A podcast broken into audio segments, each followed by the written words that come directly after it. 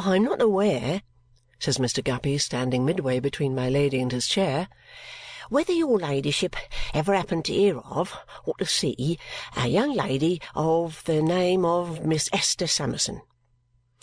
My Lady's eyes look at him full. "I saw a young lady of that name not long ago. This past autumn." "Now, did it strike your ladyship that she was like anybody?"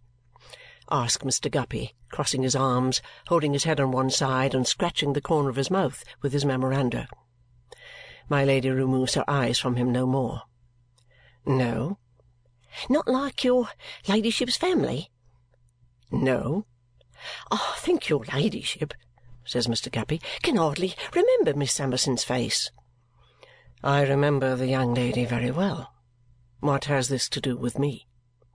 Your ladyship, I do assure you that having Miss Summerson's image imprinted on my heart, which I mention in confidence, I found when I had the honour of going over your ladyship's mansion of Chesney Wold while on a short out in the country of Lincolnshire with a friend, such a resemblance between Miss Esther Summerson and your ladyship's own portrait it completely knocked me over. So much so that I didn't at the moment even know what it was that knocked me over and now I have the honour of beholding your ladyship near. I have often since that taken the liberty of looking at your ladyship in your carriage in the park when I dare say you was not aware of me, but I never saw your ladyship so near. It's really more surprising than I thought." Young man of the name of Guppy.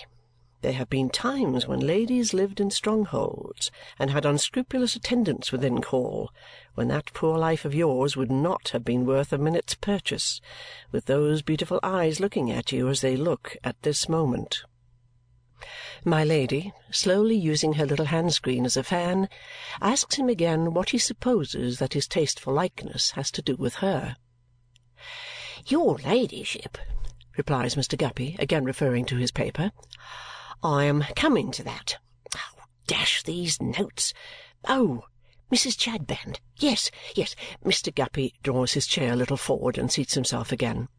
My Lady reclines in her chair composedly, though with a trifle less of graceful ease than usual perhaps, and never falters in her steady gaze. Uh, stop a moment, though. Mr. Guppy refers again. Yes, twice. Oh, yes, yes, I see my way now. Right on!" Rolling up the slip of paper as an instrument to point his speech with, Mr. Guppy proceeds. "Your ladyship, there is a mystery about Miss Esther Summerson's birth and bringing up. I am informed of that fact because which I mention in confidence I know it in the way of my profession at Kenge and Carboy's. Now, as I have already mentioned to your ladyship, Miss Summerson's image is imprinted on my heart. If I could clear this mystery for her, or prove her to be well related, or find that having the honour to be a remote branch of your ladyship's family she had a right to be made a party in Jarndyce and Jarndyce, why, I might make a sort of a claim upon Miss Summerson to look with an eye of more dedicated favour on my proposals than she has exactly done as yet. In fact, as yet she hasn't favoured them at all. A kind of angry smile just dawns upon my Lady's face. "Now, it's a very singular circumstance, your ladyship," says Mr. Guppy, "though one of those circumstances that do fall in the way of us professional men, which I may call myself, for though not admitted, yet I have had a present of my articles made to me by Kenge and Carboy, on my mother's advancing from the principal of her little income the money for the stamp which comes heavy, that I have encountered the person who lived as servant with the lady who brought Miss Summerson up before Mr. Jarndyce took charge of her. That lady was a Miss Barbary, your ladyship." Is the dead colour on my Lady's face reflected from the screen, which has a green silk ground and which she holds in her raised hand as if she had forgotten it? Or is it a dreadful paleness that has fallen on her? "Did your ladyship says Mr. Guppy, ever happen to hear of Miss Barbary?" "I don't know. I think so. Yes." "Was Miss Barbary at all connected with your ladyship's family?" My Lady's lips move, but they utter nothing. She shakes her head. "Not connected?" says Mr. Guppy. "Oh! Not to your ladyship's knowledge, perhaps? Ah! But might be. Yes?" After each of these interrogatories, she has inclined her head. "Very good. Now, this Miss Barbary was extremely close. Seems to have been extraordinarily close for a female, females being generally, in common life at least, rather given to conversation, and my witness never had an idea whether she possessed a single relative. On one occasion, and only one, she seems to have been confidential to my witness on a single point, and she then told her that the little girl's real name was not Esther Summerson, but Esther Hawdon. My God!" Mr. Guppy stares. Lady Dedlock sits before him, looking him through, with the same dark shade upon her face, in the same attitude even to the holding of the screen, with her lips a little apart, her brow a little contracted, but for the moment dead. He sees her consciousness return, sees a tremor pass across her frame like a ripple over water, sees her lips shake, sees her compose them by a great effort, sees her force herself back to the knowledge of his presence and of what he has said. All this so quickly that her exclamation and her dead condition seem to have passed away like the features of those long preserved dead bodies sometimes opened up in tombs, which, struck by the air like lightning, vanish in a breath. "Your ladyship is uh, acquainted with the name of Hawdon?" "I have heard it before." "Name of any collateral or remote branch of your ladyship's family?" "No." "Now, your ladyship," says Mr. Guppy, "I come to the last point of the case, so far as I have got it up.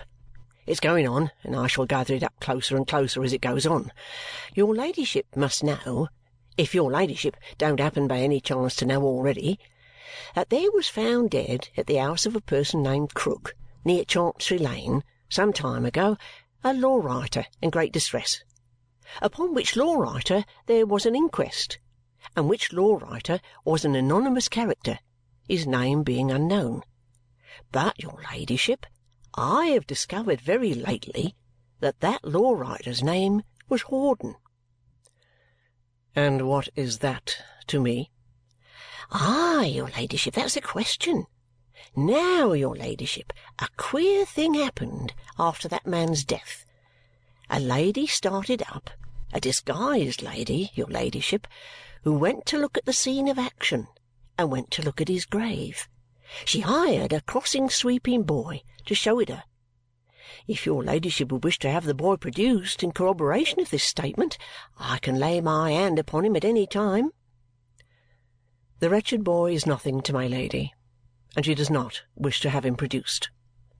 "Oh, I assure your ladyship it's a very queer start indeed," says Mr. Guppy. If you was to hear him tell about the rings that sparkled on her fingers when she took her glove off, you'd think it quite romantic. There are diamonds glittering on the hand that holds the screen. My Lady trifles with the screen and makes them glitter more, again with that expression which in other times might have been so dangerous to the young man of the name of Guppy. It was supposed, your ladyship, that he left no rag or scrap behind him by which he could be possibly identified. But he did.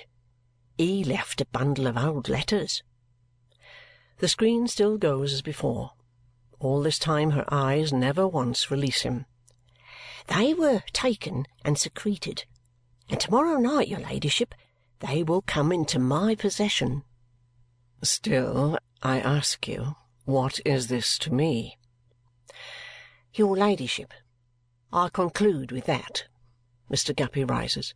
If you think this enough in this chain of circumstances put together, in the undoubted strong likeness of this young lady to your ladyship, which is a positive fact for a jury, in her having been brought up by Miss Barbary, in Miss Barbary stating Miss Summerson's real name to be Hawdon, in your ladyship's knowing both these names very well, and in Hawdon's dying as he did, to give your ladyship a family interest in going further into the case, I will bring these papers here.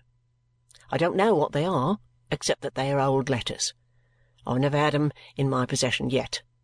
I will bring those papers here as soon as I can get 'em and go over them for the first time with your ladyship. I have told your ladyship my object. I have told your ladyship that I should be placed in a very disagreeable situation if any complaint was made, and all is in strict confidence." Is this the full purpose of the young man of the name of Guppy, or has he any other?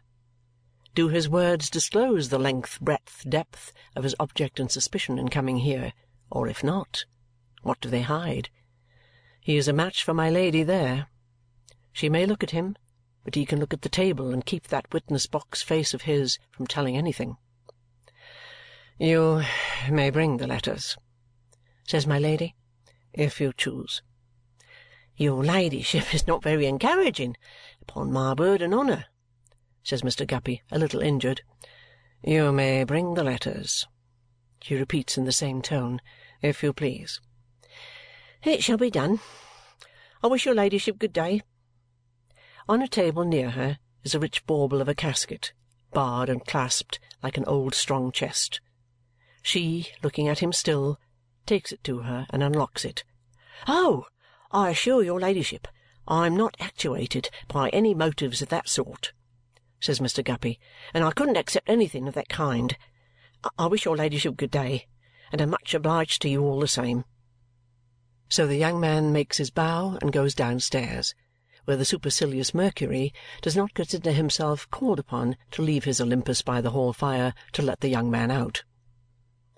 As Sir Leicester basks in his library and dozes over his newspaper, is there no influence in the house to startle him, not to say to make the very trees at Chesney Wold fling up their knotted arms, the very portraits frown, the very armour stir?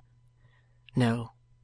Words, sobs, and cries are but air and air is so shut in and shut out throughout the house in town that sounds need to be uttered, trumpet-tongued indeed, by my Lady in her chamber to carry any faint vibration to Sir Leicester's ears. And yet this cry is in the house, going upward from a wild figure on its knees. "Oh, my child, my child! Not dead in the first hours of her life, as my cruel sister told me, but sternly nurtured by her after she had renounced me and my name. Oh, my child! Oh, my child!"